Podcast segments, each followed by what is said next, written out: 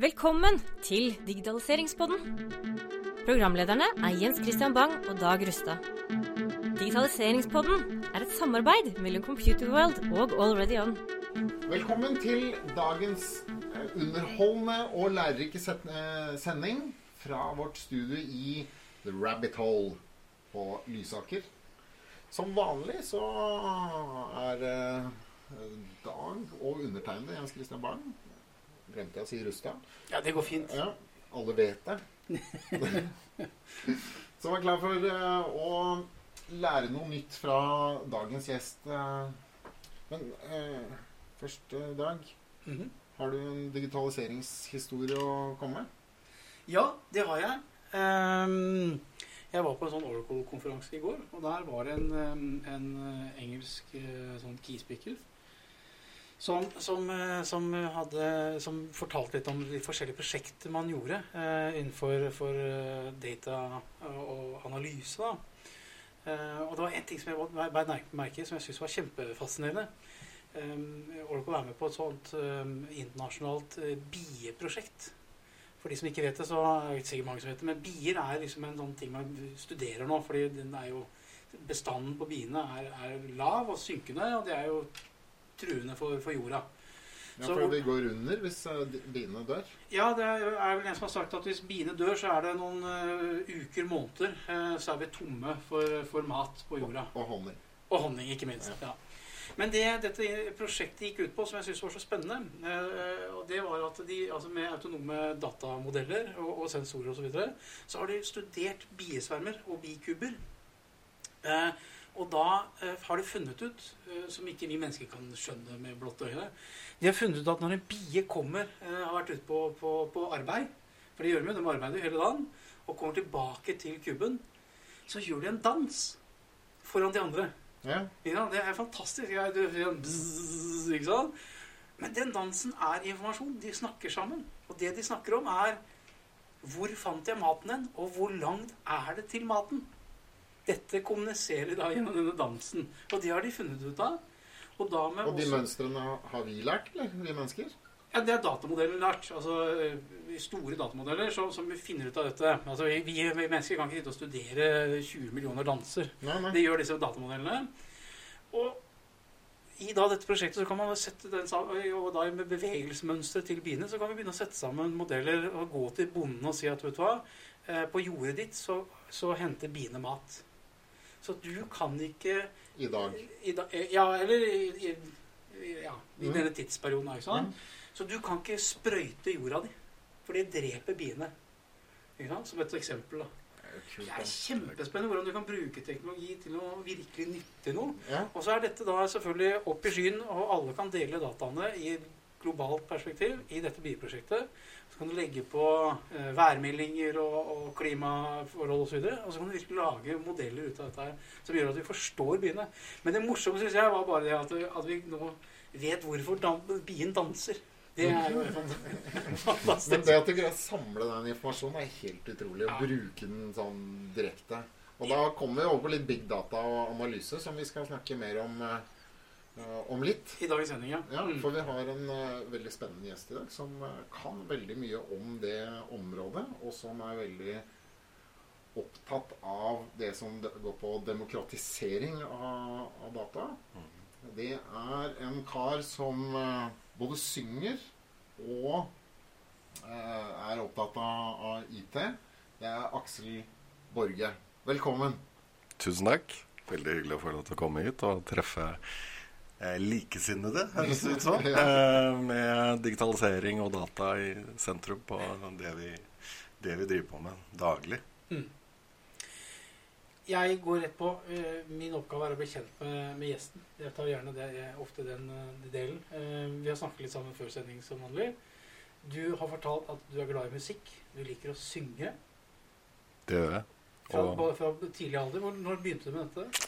Nei, det begynte vel, eh, begynte vel eh, tror jeg, i type ungdomsskolen. Eh, Ja. Eller egentlig så var det vel allerede fra første klasse hvor rektor kom til mor og sa at han var flink til å synge. Han hadde sånn klar, fin røst. Ja. Ja. Når jeg sang salmer. Så Ja. det, var, det var der jeg begynte. Så du havnet ikke inne noe kor? Sankt Halvardsgutten eller Sølvgutten? Nei, det, det blei mer punk. Dessverre. Så det, det Fra salme til punk? Så, ja, nemlig, det var det som skjedde. Ja, Det er jo tittelen på dagens podkast. Det, det hører jeg allerede. Eh, Hva Er det sånn type Sex Pistols og, og, og norsk? Gjerne det. Ja. Eh, Norsk er jeg veldig glad i. Så, det, så jeg har vel vært eh, heldig sånn sett. Jeg fikk være med i skolebandet og fikk starta mitt eget band, eller band sammen med noen. Ga ut en CD sånn i 96 en gang, tror jeg. Ja. Eh, og ikke så mye turneer. Hvis du vil ha det kjedeligste, aller, aller, aller kjedeligste med å stå på scenen, det er å vente på å stå på scenen. Ja. Og det er å sitte backstage og være på turné. Det er, jeg skal ikke bytte ut eh, IT-jobben min med sang. Helt sikkert. Det er veldig gøy å være på scenen. Og Spiller du instrument, eller bare synger? nei, jeg bare synger. Bare Jeg, synger. Ja. Eller ikke bare, bare. Det var kanskje feil. men jeg, når jeg begynte i band, så begynte jeg med gitar. Ja. Og da gikk det gjetord om den elendige soloen. Jeg var sånn på når jeg var, eh, jeg var sånn 13-14 år, og da tenkte jeg at dette må jeg slutte med. Du var ikke noe Gary Moore. Veldig dårlig. Altså. trykke. Det er greit, det. Eller Erik Clapton. Eller Erik Clapton. Ja. Det Eller- det var den eh, sangen jeg spilte.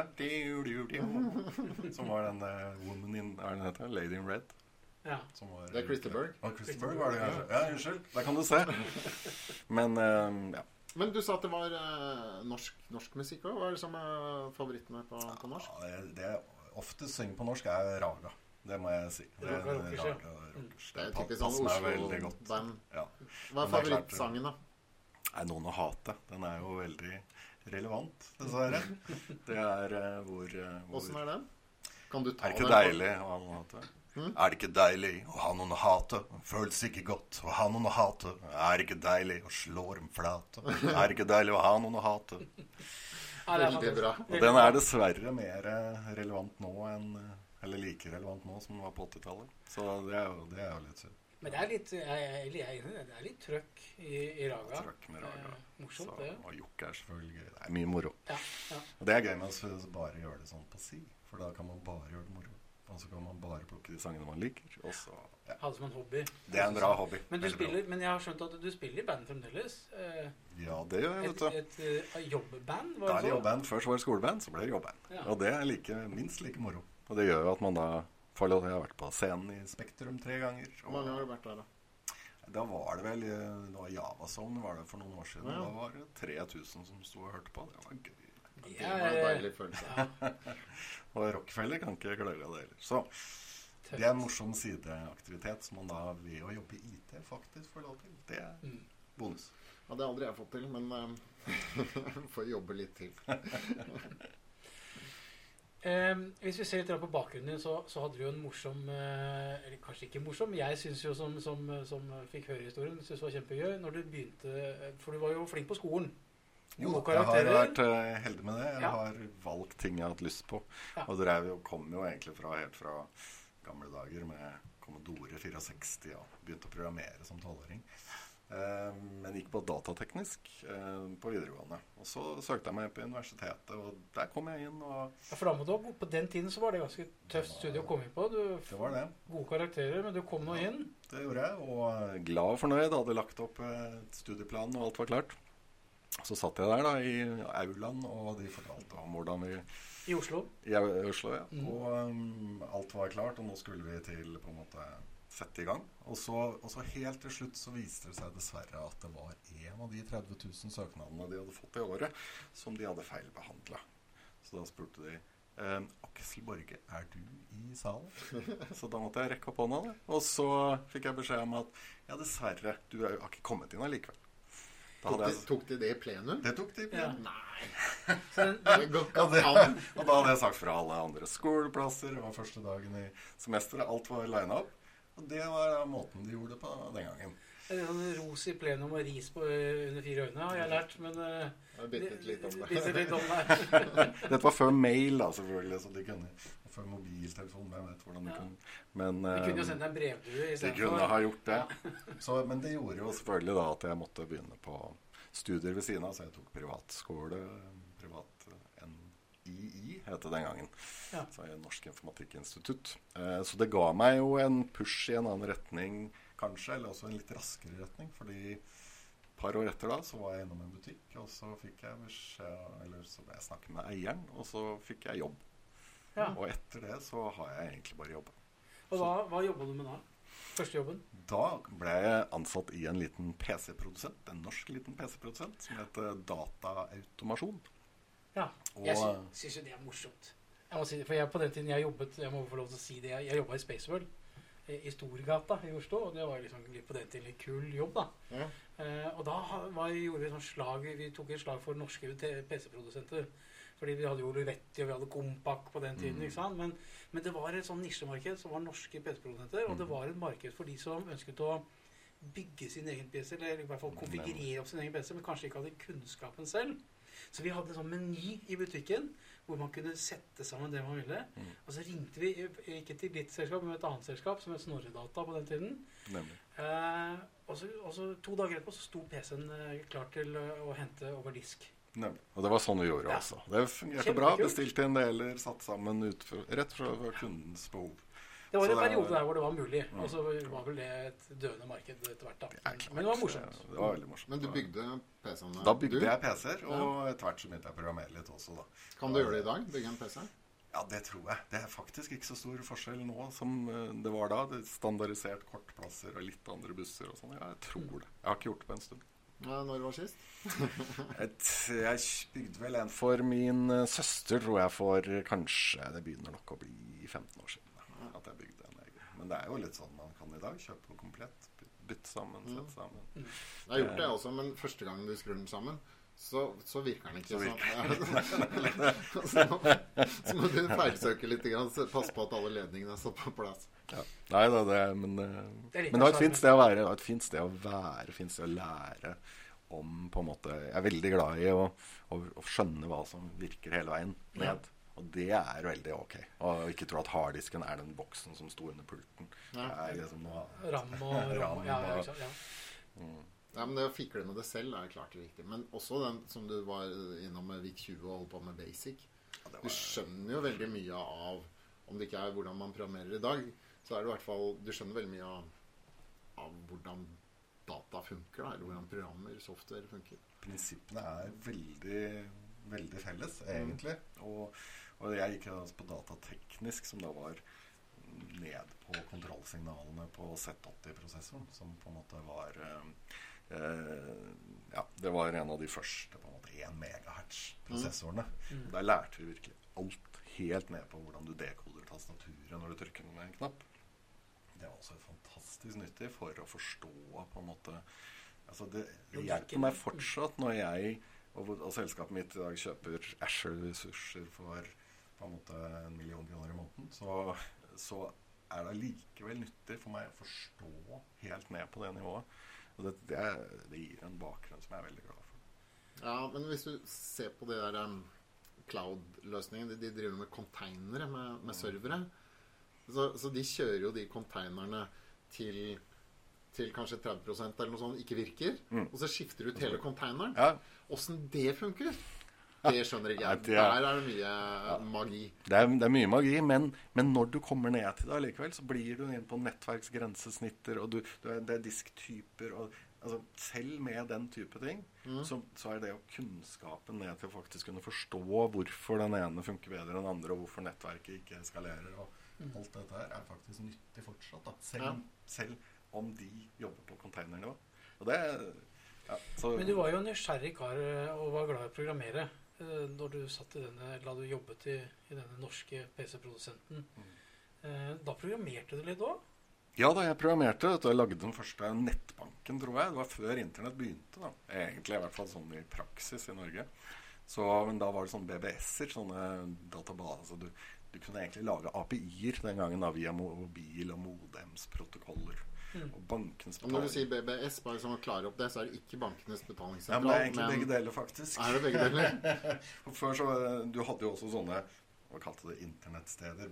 BBS-er. Ja, du kunne ringe fra, med et modem fra et sted til et annet. Helt Og der riktig. var det en server, og der kunne du laste ned programmene. Det stemmer. Ja. Er som en litt sånn der eh, Ja, en fildelingstjeneste nesten, eller en informasjonsdelingstjeneste. Men BBS hadde en BBS, Ja.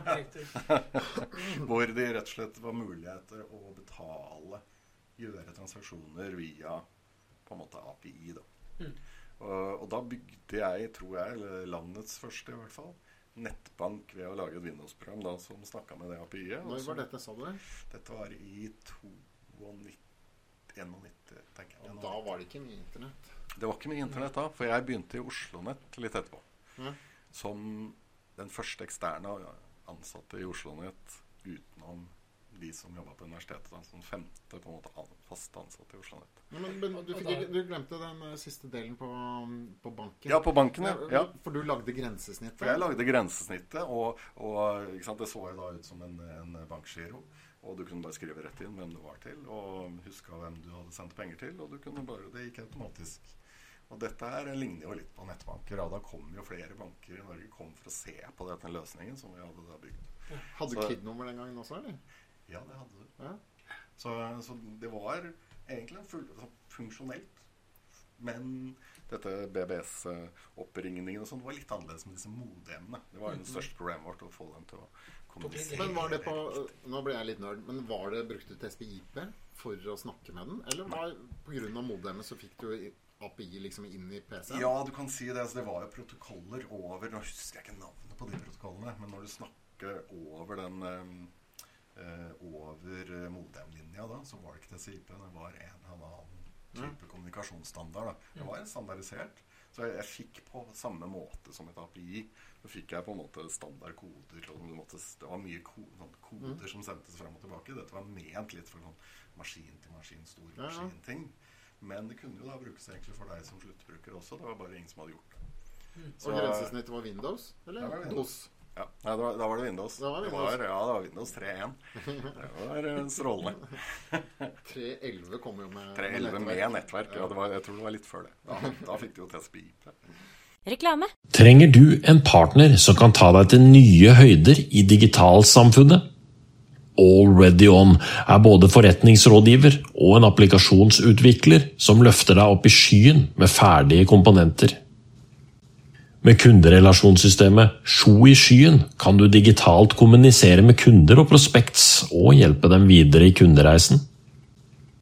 Kontakt AlreadyOn på heialfakrøll.alreadyon.com eller chat med oss på alreadyon.com. Reklame. Og da kan vi fortsette. Da kan jeg fortsette med Oslo Nett, for det var det vi, som skjedde etter det. Jeg kunne jo litt sånn teknisk, da. Så traff jeg han eh, som starta OsloNett. Og han satt ute hos en kunde og prøvde å installere et modem. Og det fikk han ikke helt til, for det var ganske tungvint på den tida. Ja, ja. Så hjalp jeg han litt, og så ga han meg et tilbud om jobb. Så da sa jeg ja takk. Og så begynte jeg da i Oslo Nett i 93, var det. Mm. Så da, var, da hadde altså OsloNett som den største internettleverandøren i Norge, sånn for privatpersoner, da hadde de tror de hadde fem modemer i kjelleren. Det var hele internett i Norge. Og det, og det vokste ganske fort. Det var 30 etter et eh, år, kanskje. Og så ble disse rekkene større og større med US Robotics modem. Men Ja, de eh, var store den gangen. Men var- hvem hang dere på da? Hang dere på universitetet eller noe sånt? Nemlig. Ja. Dette var et universitetsmiljø som da fikk lov til å ja, som fikk lov til å sitte på en måte i backbonene til som var på universitetet. Og der hadde det jo vært lenge, selvfølgelig. Mm. Men det ga jo da muligheten for en forretningsidé for dem å, å selge denne tilgangen på abonnementsbasis. Så ble det kjøpt opp av Skipsted, og ble Skipsted Nett. Og begynte å jobbe med innhold. Så ble det Sol. Scandinavia Online, som også kjøpte det opp igjen, eid av Telenor. Og så da slutta jeg.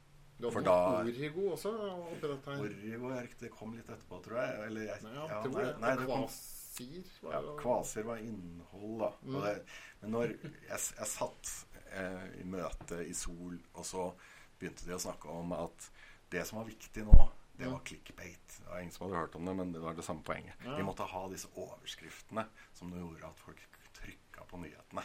Og det var ja, det var det, store, det viktigste. Da. De, og om det var um, og, og da var på en måte eh, Målet var liksom å bli Se og Hør. Og Sol satt og gjorde det, som egentlig kom fra Schibsted og var seriøse. Da slutta jeg. det syns jeg var interessant. For eh, når du ble et annonseringsselskap i praksis, da, Ja. så blir det noe annet. Og det jeg gjorde, var at jeg starta et konsulentselskap som leverte IT-tjenester til Sol. Men Dag, du var jo hos konkurrenten, var du ikke det? Ja, jeg jobbet uh, i Powertech. Ja, Ja. Eh, det var jo tre gamle Eller ikke gamle, det var jo unge, da. Eh, Det var jo bare guttunger. Han hadde ikke blitt 18 år ennå. Uh, Øystein, Homelin, blant annet, som den der IRK Mm. eller o- eh, Den der IRK.net. Inter Internet Relate Chat. Ja, ja, ja. ja. Mm. Og tidlig inn, de var vel også med tidlig inne i dette um, um, The Gathering. Og var med å Mm. gründe det. Så liksom på, jeg husker de fortalte at de hadde vært på um, De hadde The Gathering oppe i Skedsmo. eh, Oppe i Skedsmohallen oppe på Lillestrøm. Og da hadde de hatt med seg noen trommel med, med, med kabel. Så de rulla over et jorde og kobla seg på en sånn tjuvkobla seg på en sånn boks for å få internettilkobling til The Gathering på en sånn eh, 36K eller 33K-linje. Så det var på den tiden. Det var fantastisk morsomt. På den tiden, i 95, ja, det var et par år etter, da, så skulle jeg være med å ta internett til Drammen. Ja. Og da hadde jeg møte med, med Powertech. Ja. Og da husker jeg vi kom inn i, inn i en leilighet i en bakgård i, i Oslo. Og så var jo de gutta, gutta der. Og så satt vi, vi satt i en stue med en gammel sofa som var kjøpt på loppemarked. Og så lå det litt potetgullposer og tomme ølbokser og sånn rundt der. Og der hadde vi møte. Mm. Og så sto det en sånn Tower, um, Tower-server, sånn svær server, som sto der, og så pekte han inn på den sånn Vet du hvilken server det er? Nei, sa jeg. Det visste jeg ikke. Det er Norges største nettsted. Kan du gjette hva det var? Eros. Ja, det var jeg Eros. Men disse gutta de startet jo opp på gutterommet. Det er riktig, det. De havna jo til og med det, Jeg har sett det klippet mange ganger, men de havna jo på, um, på datidens eh, store underholdningskanal, NRK, på Tande P på lørdag. Fordi Tande P var jo så for, for, forbauset og, og, og impressed by hvor, liksom, hvor, hvor disse gutta her med teknologi på den Mm. tiden. Så de var tidlig ute. Men det var morsomt å jobbe med dem. Eh, De holder på enda. Når vi, når vi snakker om TV-program Mm. Aksel, du er jo TV TV-kjendis. Vel, ja, jeg var nå i hvert fall med på noe som het Hjernekamp for noen år siden. Ja. I 2014. Ja. Som, eh, som jo handla om egentlig å, å være litt egentlig bred da, i forhold til, eh, til logikk eller bruk av på en måte mental kapasitet. Det var eh, veldig veldig gøy å være med på, og ganske kjedelig å se på. Tror jeg. tror ikke det ble noe hit på NRK. Men det var reality. Det var en slags type reality. Ja. Som eh, det var mer en slags eh, Det var nok mer en slags konkurranse og veldig lite denne reality-faktoren. For det, ja, det var i hvert fall ikke noe jeg ville vært med på hvis det var en sånn. Men det var smarte, smarte mennesker. Det var, eh, vi, vi ble samla seks stykker, eh, som, hvor poenget var selvfølgelig å kunne, å kunne løse masse forskjellige oppgaver. Ja. Og, og det Og jeg må si at noe av ja, det, det jeg hadde håpa mest på med det, var kanskje det å, å treffe en gjeng som var veldig brede og hadde gode diskusjoner. Det var det, var det jeg hadde tenkt på. Mm. Og det er vel eh, men, men det er nok litt sånn da, at det ofte er litt sånn mer smale ting. Så det blir egentlig en gjeng som er opptatt av litt smale ting isteden. Så Men dette her, vi har jo ikke, vi har for så vidt ikke gjort, eh, sagt eh, dette til lytterne våre ennå, men du er jo Mensa-medlem. ja da, Det må vi legge til i sammenhengen. Det er vel Det kanskje en av til at du var med. eh, Det, det ja. kan hende, det. Ja. Det var en utvelgelsesprosess, og jeg, jeg fikk være med. Ja, det er en kombinasjon av diverse ting, sikkert. Men, eh, men, eh, men jeg leter egentlig etter de stedene og de forumene som bryr seg om verden. Ikke sant? Og tenker at eh, Mensa var, var på en måte opp, Det ble oppretta etter andre verdenskrig for at det ikke skulle skje igjen. Og de som Ja, gjorde det Så de hadde en de hadde sånn det, definitivt. fin Det, var- en det. idé om at hvis det, altså, Krig er det dummeste du kan tenke deg. Ikke sant? Det er bare, Mm. er bare dumt, det. Så tenker man at hvis man er logisk smart, så, så klarer man å gjøre det. Så kan man passe og få verden til å skjønne at krig er dumt. Ja. Men det går faktisk ikke. Og, fordi det er, det er så mange andre faktorer. Og de som er logisk smarte, det er det med, med Mensa. Det er en sånn logisk smarthet. Teknisk smart, liksom. ja, det er det. Se for forskjellen du ser, ser et mønster, eh, Ja. nemlig. Mm. Og det betyr absolutt ikke at man er smart ellers. Og det det er er en utfordring. Ja, ikke sant? Og det er jo det du sier at eh, det er ikke nødvendigvis der du beriker deg med, med kunnskap om, om teknologi og mulighetsrom osv. Nei, det, det, det, er, det er for meg skuffende. Jeg hadde tenkt at det kunne vært lurt da, å være sammen med en som er opptatt av logikk, og at ting skal Og så opplever jeg at det, er, det blir veldig, veldig smart, smalt. Og, og at, eh, at det å være logisk smart ikke nødvendigvis har noe med om du vil at verden skal bli et bedre sted. Eh, det er eh, det, Du kan Så det har ikke noe sammenheng, da, egentlig. Så eh, ja, jeg er Mensa-medlem, men jeg har dessverre ikke, opplever ikke at jeg får så innmari mye ut av det, dessverre. Så du er ikke generalsekretær? Nei, det er ikke det. Men hvis Mensa nå hadde Hvis målet var verdensfred, da hadde jeg blitt med. Noe som det var. Noe som det var. Ja. Nei, det er spennende. Men eh, vi skal litt eh, videre på, på der og komme frem til hvor du er i dag. For du har jo vært med i et selskap som veldig mange kjenner, som heter Bouvet i lang Det tid. stemmer. Og som et selskap som heter C, som er blitt skilt ut ifra. Ja, det er det som skjedde nylig. Ja. Eh, jeg har vært i Bouvet i 16 år. Og det er en kjempeinteressant historie. Et norsk selskap som har bygd seg opp fra Jeg var ansatt noen 150 Mm. da i eh, 2003. Hva Da, het selskapet da? da het det Runde en uke. Mm. Og det gjorde Og det var jo norsk og stødig. Det kom fra mm. en Cell Network som skulle bli en global leading player. ja, for det, før det så var det Cell? Cell, ja. Som Og var- før der igjen så var det Ja, Da hadde vi det var det Digital hverdag, eller vi hadde Nei, New Media Science, New Media var det? Science var det selvfølgelig. Men det var også to deler, da. Em- Ement... Nei, hva Unnskyld. Nå Ja, nå Ja. husker jeg ikke navnet, nå, men New Media Science var Men Digital hverdag var jo, husker jeg jo fra 90-tallet. riktig, for de kom før deg igjen. Gjorde de ikke det? Ja, det tror jeg var stiftet på i 93. Ja, riktig. Men det var ganske tidlig å drive med Det, utvikling. det det var nemlig veldig tidlig, fordi det var, altså, det var jo da i 93 som jeg starta i Oslo Nett, og det var da det var helt nytt. Internett var jo virkelig helt nytt. Um, ja. Men fra den tiden Du husker jo ikke så mye av den eh, Eller var ikke med på den historien, men fra der du var med oppover, da? For, eh, kan Ja, gå litt for det, det, det var jo det. Og, og dette var en norsk satsing. Det ble tatt over av de ansatte.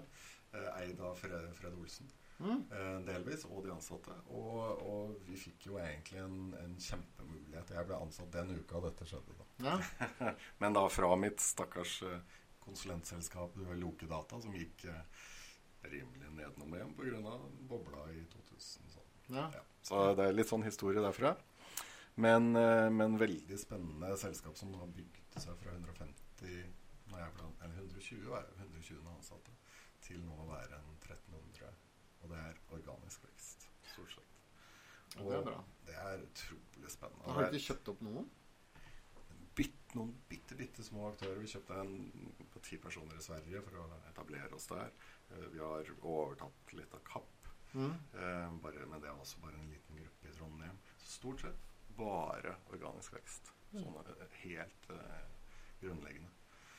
Og Det har vært en fantastisk reise. Jeg har vært utrolig heldig som får lov til å være med i den og, og truffet så mye kunder og bygd løsninger da. eh, for kunder. Og truffet de største kundene i Norge. Og var på en måte fått lov til å være med i digitaliseringsreisen. Sånn Hvor, hvor mange kundemøter har du hatt på, på den perioden? En kunde Nei, det aner jeg ikke, rett og slett. Men jeg har selvfølgelig jeg har vært med i store prosjekter. Et av de første var Postens intranett. Som var Ja. kanskje det første ordentlig datadrevne intranettet på SharePoint i Norge. Mm. Eh, og der brukte vi mye av det vi gjorde der, er faktisk bakgrunnen for det produktet som jeg leder i dag. Når var det? 2003? Så det var i 2003 uh, hvor vi, hvor vi jobba med det. Men SharePoint tålte tålte så mye data den gangen, da. Nei, det gjorde ikke det. Så Nei. derfor så måtte vi jo bygge disse, dette produktet ved siden av. For den hadde jo ikke noe ordentlig database i bånn, så det ble Hadde ikke det, og den skalerte jo ikke i det hele tatt til 10 000 brukere, som Posten var da. Ja. Så da måtte vi ha noe annet. Vi måtte bygge noen smarte ting hvis du skal ha et personalisert intranett. Mm. Og, og det var det vi skulle gjøre. Alle skulle ha hver sin forside.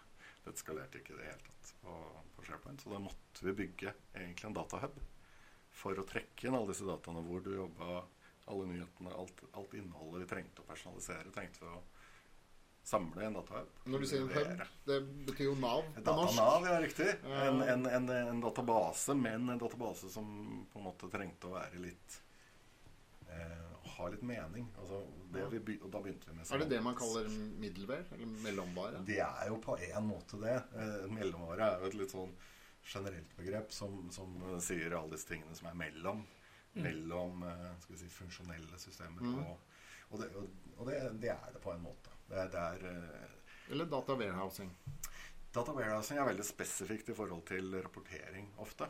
Det handler om å samle data i en viss struktur. Det er jo gamle data kanskje mer enn eh, Ja, det, og det er en litt kanskje en gammel teknologi, men, men ideen er mye av det samme. Du skal samle data i en viss form for å få de ut igjen. Mm. Et datavarehus snakker du gjerne med når du skal ha rapporter. Fra gamle dager. I gamle dager, ja. Ja. Eh, og, og, Nei, jeg mener rapporter fra gamle fra data. gamle dager, ja, det kan du si. Datavarehus har, har Ser litt hatt i bakspeilet. Mm. Ja, det er, det er litt sånn å se, se tilbake. For den den har ikke vært så rask til å kunne tilpasse seg. Da kommer da et spørsmål som vi kan snakke litt om senere. Det er hvordan får du renset opp i GDPR-data i gamle varehus? Ja, det er veldig interessant. Ja. Eh, Men, men det, det verste med det, det er jo egentlig ikke at dataene er gamle, men at modellen du ønsker å se på, er gammel. Mm. Du skal, jeg må bestemme hvilke akser vil jeg se data på. Hva, jeg må egentlig bestemme spørsmålet lenge, lenge, lenge, lenge før jeg egentlig ser svarene.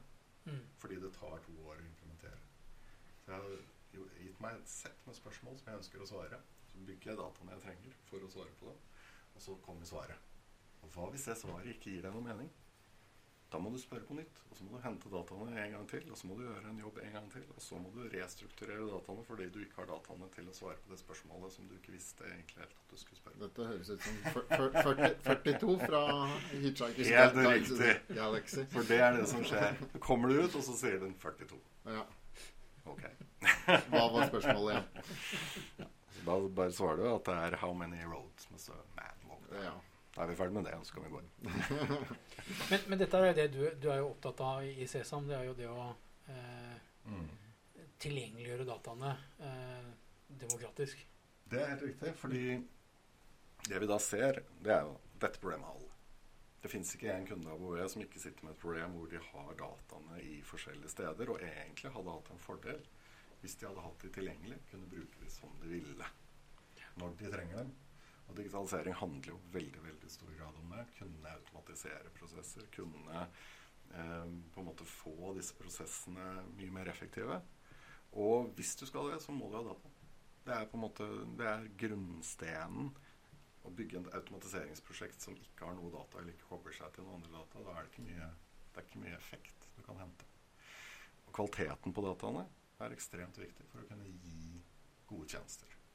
Du kan gjøre ekstremt enkle tjenester som er utrolig lette å bruke hvis du bare har nok data, nok kontekst, nok informasjon til å automatisere eller hjelpe deg til å gjøre de enkleste valgene og de mest nødvendige valgene. Ikke spør deg om masse ting hver gang. Dette skjer jo hele tiden. Digitaliseringsprosjektet er kjempefint. Og så spør de dem ok, alle mulige detaljer hver gang du skal bruke systemet, fordi de dataene ikke er tilgjengelige. De vet ikke hvem du er, de vet ikke hvilken kontekst du sitter i, de forstår deg ikke. Og da blir det veldig dårlige løsninger. Og det eneste som kan løse er gode data. Og, og det er klart, men Hvis du har gode data tilgjengelig, så kan du gjøre ganske mye kult. Fantastisk. Eh, I, eh, I Oracle så har jeg vært på en sånn, eh, sånn eh, konferanse i Las Vegas hvor, de, eh, hvor vi nå lanserer en ny tjeneste innenfor CRM. Mm. eh, Som går litt på dette her å tilgjengeliggjøre data. Eh, hvor man som selger kom på jobb om morgenen, og så eh, sier da CRM-systemet til at nå skal du ringe denne personen. Eh, Og bakgrunnen for at du skal ringe den personen, er dette. Han har sett på en PDF, han har vært på nettsiden vår og lest på disse sidene. Eh, han har vært i kontakt med servicesenteret eller osv. Og setter disse dataene sammen og sier dette er det du bør snakke med denne personen. Og så gjør man det, og mens samtalen går, så lytter systemet på samtalen og gir deg tips. Underveis i samtalen. Og coacher deg rett og slett selgeren på hva du skal gjøre Mm. under samtalen. Og når samtalen er over, så oppsummerer det systemet og sier hva er nå best next action. Ikke sant? Du må ikke gjøre det systemet sier, men den, den, og, og for, det er, for det er vel litt sånn i forhold til dette med GDPR og, og demokratisk data som mm. er på, da. Mm. Men, men den gir deg i hvert fall eh, de beste beste beslutningene på, på, på faktiske data. Nemlig. Ikke sant? Og så kan man legge til alle de andre tingene som vi mennesker er gode på. Mm. Som ikke et system klarer. Men, men den gir deg i hvert fall et veldig godt verktøy. da. Og jeg ble kjempeimponert hvordan det liksom, man kan virkelig sette disse dataene sammen og gjøre noe nyttig i, i hverdagen. For i dette tilfellet for en Ja, selger. da. Men det kan være for hvem som helst. Og du holder jo selgeren litt på, i gang, da. Så Det er ikke noe, sitter er ikke og spiller solitaire der. Det er ikke noe, det er ikke noe kabal uh, imellom, for da er neste samtale. Da skal du gjøre dette. ikke sant? Ja. Mm. Men eh, en ting som du tenker på, er hva, hva, trenger du selgeren så mye lenger, da? Kan ikke, kan du ikke bare bli Kanskje, ringt kanskje direkte selgeren selgeren kan uh, bruke tida si på noe mer uh, nyttig. Kabal. For eksempel kanal. Og, og det tror jeg det, Dette er et kjempegodt eksempel, tenker jeg. Og det er så ekstremt mange sånne eksempler at hvis du vet nok, hvis du har alle de dataene satt sammen fra alle disse eh, systemene som du egentlig har, og alle bedrifter har dette her, de har så mye data liggende som de ikke klarer å automatisere på. Og ikke klarer å lage AI som klarer å, å finne ut av dette, bare fordi dataene ikke er i en form som gjør at det er mulig å automatisere. Men disse eksemplene, det fins tusen Ja, av dem. ja? Hvor utrolig kule tjenester hvis du bare har alle de dataene du trenger for å forutse det, det du sier. Mm. Og så sier du det med GDPR, og det er jeg kjempeopptatt av. For demokratisering handler jo ikke det handler jo ikke om, om at alle skal ha alt, eller at ingen skal ha noen ting. Altså Det handler jo faktisk om at det som er åpne data, skal være åpne. Så at du ikke sitter med makteliter som sitter med masse data som ingen andre vet om, og som misbruker det, eller bruker det på en måte som ingen vet heller. Da Altså, tenker det- du litt som Facebook og Google, da, kanskje? eksempel. Ikke sant? Ja. Altså, hvis de hadde gjort dette med pengene dine, syns du det hadde vært greit? De fleste skjønner jo Vi er vant til at penger skal håndteres som være regler. Det er, det er, um, du har revisorer. Mm. Altså det, det er åpenhet. Det må være åpenhet. Og så samme gjelder data, for data er på en måte den nye valutaen. Og da må vi også ha regler. Og Vi har er ikke peiling på ja, Vi har ikke peiling. Og GDPR er det. Det er de nye reglene som gjør at vi nå kan få et bankvesen. Egentlig. Vi kan få kontroll. I Europa. I Europa, ja. Så vi er heldige som bor trenger her. jo ikke jo globalt eh, regelverk, spør du meg. Men det gjelder for alle globale selskaper som handler med oss. Vi er heldige som bor i Europa. Mm. Men dette skjer. Det skjer i Brasil nå. Brasil innfører en tilsvarende lov. Det skjer i California. California Act slår inn 2020. Samme type regler, samme logikk. Dette kommer til å skje. For oss da, som sitter her, så er vi jo heldige at vi har de reglene. Mm. Det er jo fordelen om disse reglene er så like som mulig med EU-reglene, så vi greier å få det avstemt. Ja. Men vi er så langt unna ennå, så Ja, bare, det, skjønner det er jo bare et museskritt, det vi antagelig har tatt. Mm. Fordi det å begynne å regulere hvordan dataene skal brukes hos Facebook eller hos Google Vi vet jo ikke hvilken data de har engang, så, så hvordan skal vi greie å lage reglene for å styre de dataene? Pluss at om to år så kommer ting verden til å se helt annerledes ut. For da er det en helt andre type data som blir Men i tillegg. jeg, jeg tror altså Jeg har jobba en del med GDPR, og jeg tror de har gjort det akkurat riktig. Mm. De sier ikke nemlig noe om akkurat altså Dette kommer til å kunne vare en stund. De sier noe om hvilke rettigheter du har. Du har rett til innsyn. Du har rett til Mm. den, den detaljstyrer deg ikke så mye, Nei. men den sier noe Altså den legger noen grunnregler. Og det er litt som en sånn som Grunnloven på en måte. Den funker fortsatt, selv om den er skrevet for lenge siden. Ja. Og det tror jeg GDPR har klart å gjøre. Så nå handler det om om vi klarer å gjøre det loven sier. Og der er vi ikke ennå. Nei, for det- var neste punkt jeg hadde. At uh, det er, jeg er helt enig. GDPR er fint. Eh, bortsett fra at jeg syns jeg må trykke på veldig mye samtykker-knapper. Forferdelig. for å få lov til å gjøre de elementære tjenestene, så må jeg trykke på det. Det får jeg leve med, har jeg tenkt. Men eh, eh, det som kanskje er litt skremmende, er jo at eh, Google eller, eller Tesla vet mer om norske bilister enn det norske staten gjør. Altså, eller Vegvesenet. Um, og, og, og den der Vi kalte jo liksom eh, media og pressen den fjerde stat, eller statsmakt. Mm. Det er ikke statsmakter lenger. ikke sant? Det er globalmakter vi kaller det. For det, det, Dataen blir dratt ut av landet, og de vet mer om oss eh, andre steder i verden enn det vi vet om oss selv. Mm. Eh, det syns jeg kanskje er eh, der, er vi, der har vi lang vei å gå. Det, ja, det er kjempe Det er jo på en måte Det er et demokratisk problem. Mm. Det, det, er altså, der, derfor vinner folk vi ikke trodde skulle vinne en valgkamp, vinner valgkamper pga. dette. Ja. Det, er, det er faktisk sånn det er. Uh, og det, den, dette regelverket skal hjelpe mot det. Mm. Og skal gi oss innsikt. Men det er klart at hvordan norske stat forvalter den digitale kapitalen vi har, det er, det er, det er skammelig. Et, rett og slett. Det er ingen forståelse av hvilke verdier vi sitter med som på en måte en nasjon, og hvordan vi forvalter informasjon. Det begynner å komme nå. Jeg tror Difi og de som på en måte de begynner nå å få litt makt. Før så har de ikke hatt noe makt. Mm. Vi har, et, vi har på en måte en, en, en, regjering som ikke har en digitaliseringssjef før nå. Mm. Altså det er, det er, altså man har ikke fulgt med i det hele tatt. Og dette, Hvis vi ser tilbake på oljealderen, da, ser vi tilbake til på 60, slutten av 60-tallet, og så lurte vi på skal vi legge oss ned og la Philips ta overalt, eller skal vi gjøre noe sjøl. Mm. Så valgte man noe. Det var et godt valg. Men du hadde jo enkeltpersoner der i oljealderen er- som virkelig greide å sette ned foten og, og lage regler og, og få det inn i, Og vi er der nå. i rammer. Vi er der nå at vi kan gjøre det samme. Vi kan fortsatt, vi kan fortsatt slutte å la Google og Facebook bestemme over oss. Mm. Eh, og det kan vi gjøre som en stat. Det kan vi gjøre vi som enkeltpersoner, selvfølgelig, eller grupperinger. Men, men jeg mener at dette er et statlig ansvar også. De skal, sette, vi skal passe på oss som borgere også. Og det, det er heller det jeg tror at vi, bevisstgjøringen det, det er på vei, men Datatilsynet har vel eh, 50 pluss ansatte, ca. cirka. Ja, jeg, tror, og jeg skal- hørte noe om at de fikk én eller to stillinger, ja.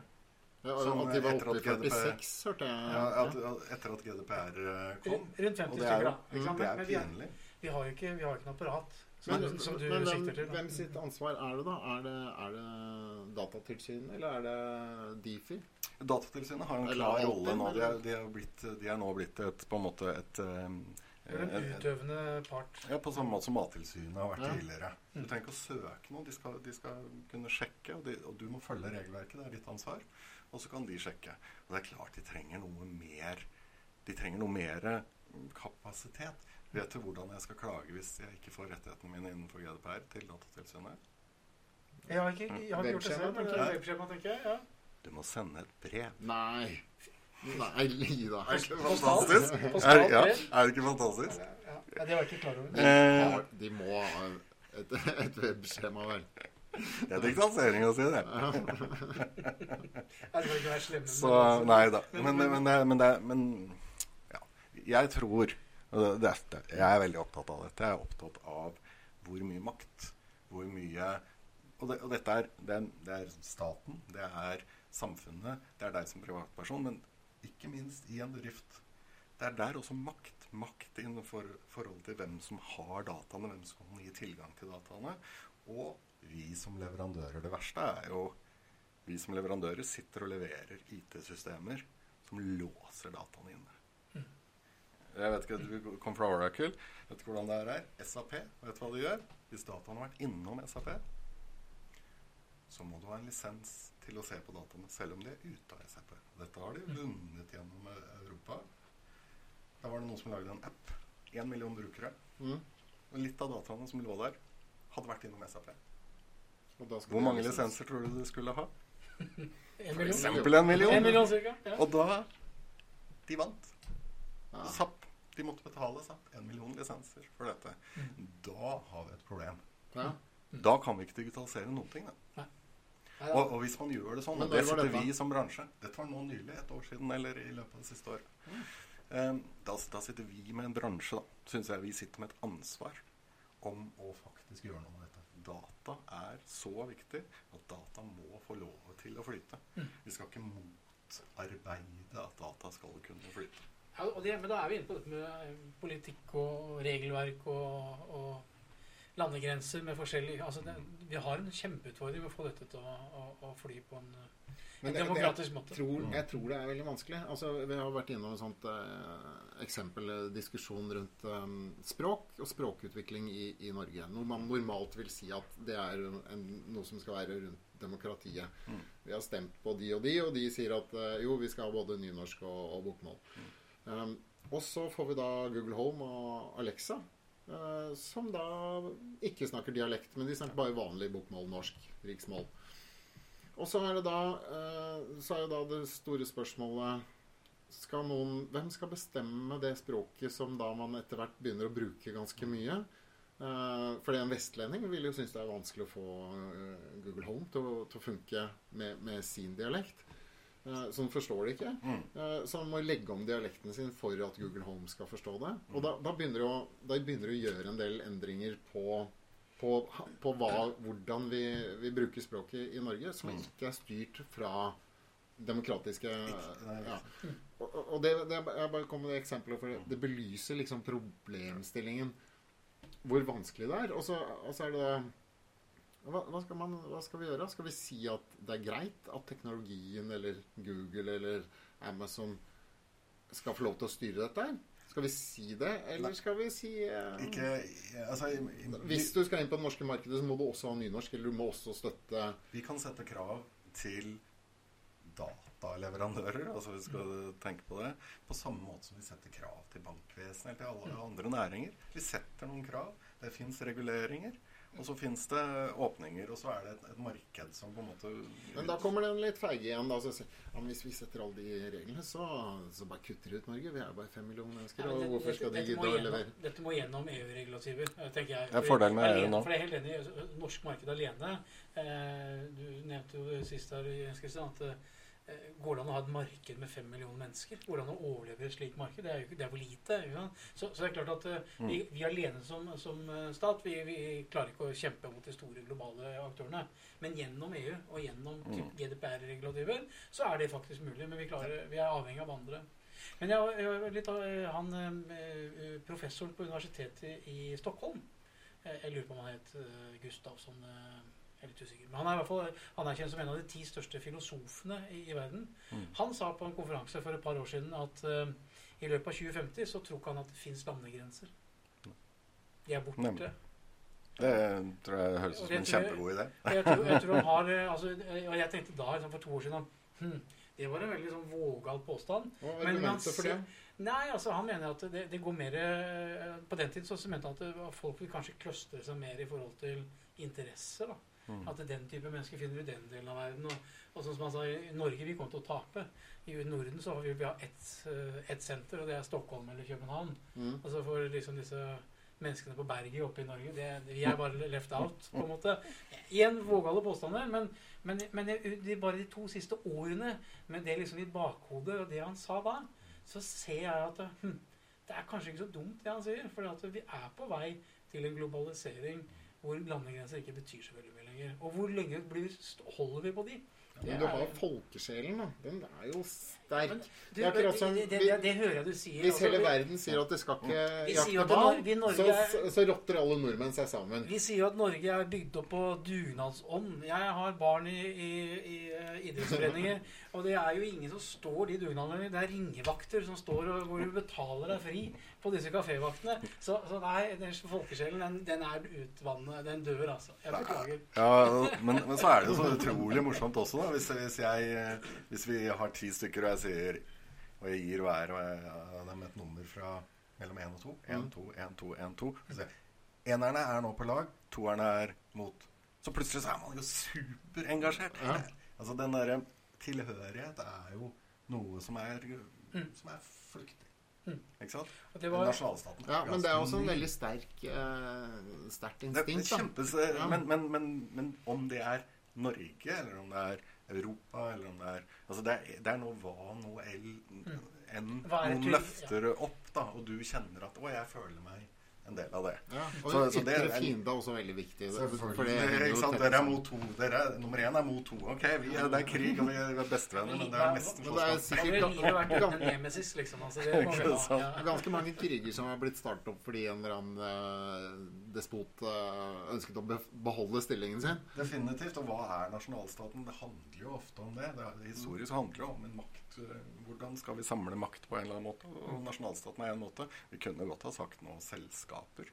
At når selskapene blir den nye på en måte den som vi, vi føler oss til, til Jeg tilhører Bouvet, ikke sant? eller jeg tilhører Sesam. Eh, vi tilhører Google, jeg er Google, og jeg er Microsoft, og osv. Det, det det finnes mange andre måter å gjøre det på. Men demokratiet er jo det som vi, vi bygger altså i hele vestlige verden Det er et sett regler. Så da er det jo er det, skal, skal vi stemme gjennom selskapet der vi jobber, da? Eller skal vi Ja, ikke sant? Nemlig skal vi Og, og det er jo kjempe... Altså, demokrati er jo det handler jo om et, et, sett med regler som vi mener at det er lurt å spille med. Ja. Eh, og, det, og, det, er ikke knytta til landet, eller sånn, men og i hvert fall ikke det jeg legger i det, i forhold til det at vi er enige om at det skal være noe åpenhet, det skal være trygghet. Altså det er en del ting som, som faktisk er viktig. Ja. Og som, som, handler om å passe på oss som enkeltmennesker og som mennesker i en gruppe. Uh, og det å få oss til å fungere sammen og hver for oss. Og dette er en balanse selvfølgelig alltid, men det handler i stor grad om åpenhet. Det å vite hvor makt ligger, at ikke ting blir gjort uten at du vet hvorfor. Uh, det, det, kan være ett et interesse område i verden, det. Folk som vil ha den type verdier. Det kan det også være. Noen ja. syns at det er best med opplyst enevelde, f.eks. Og det syns jo Platon. Det, han mm. sjekka jo dette og sa at vet du hva, demokratiet er et kjempeproblem. Fordi du er, det er så lett å kjøpe stemmer.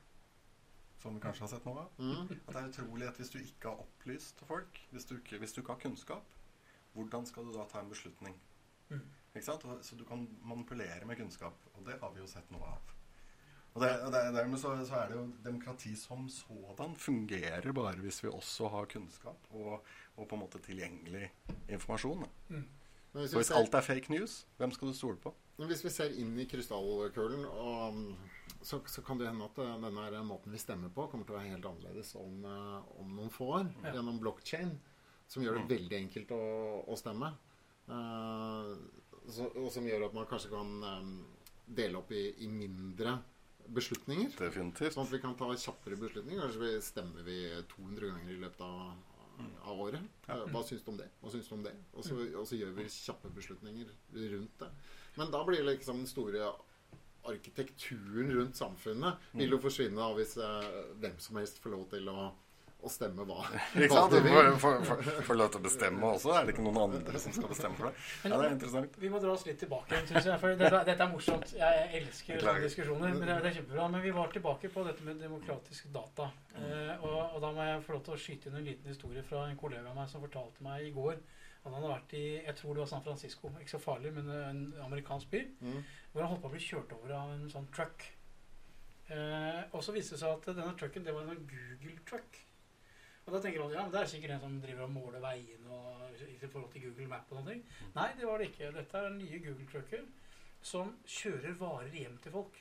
Det vil si at jeg kan kjøpe, jeg kan bestille en vare på, på hvilken som helst butikk eller et eller annet. Um, og så kjører da Google-trucken og henter den varen og kjører den hjem til meg. Gratis. Why? Why? Og, det, og svaret der var det var ikke for å disrupte transportnæringen i San Francisco. Det var ikke for å være grei? Det var ikke for å være grei, men det var for å samle data om meg som konsumer, som konsumer i forhold til hva jeg kjøper, hvordan eh, mine preferanser er. Altså den hybride online-offline-aktiviteten.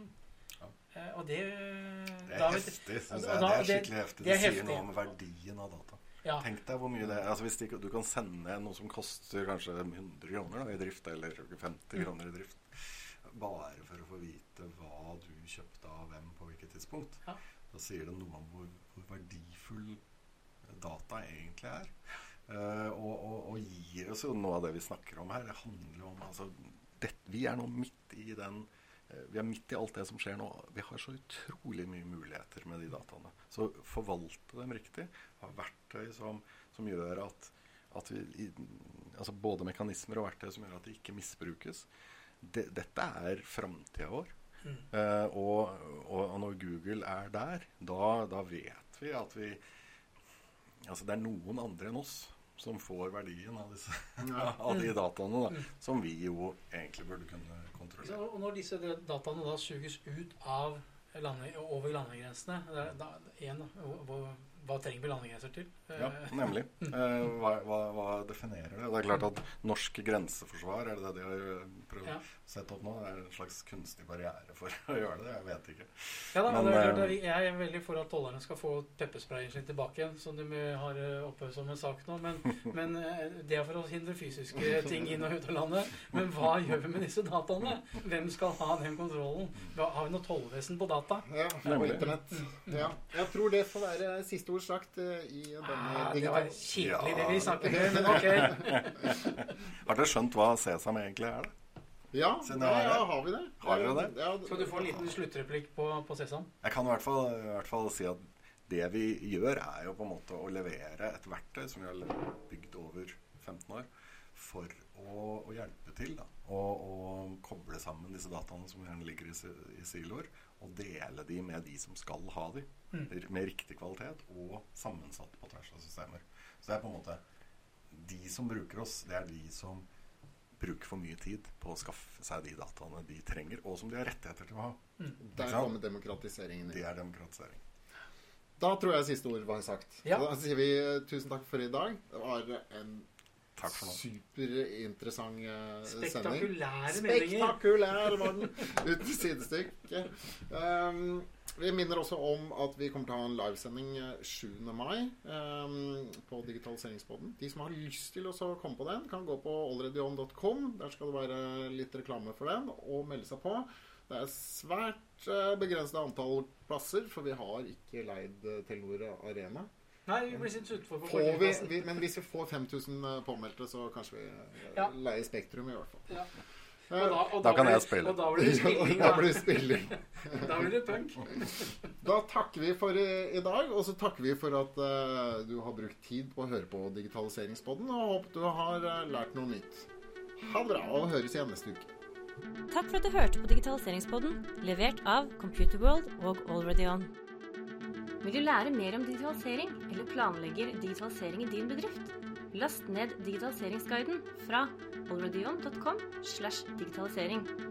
I løpet av 15 minutter kan du sette deg inn i de viktigste uttrykkene innen digitalisering, og ta de første skrittene i din digitalisering.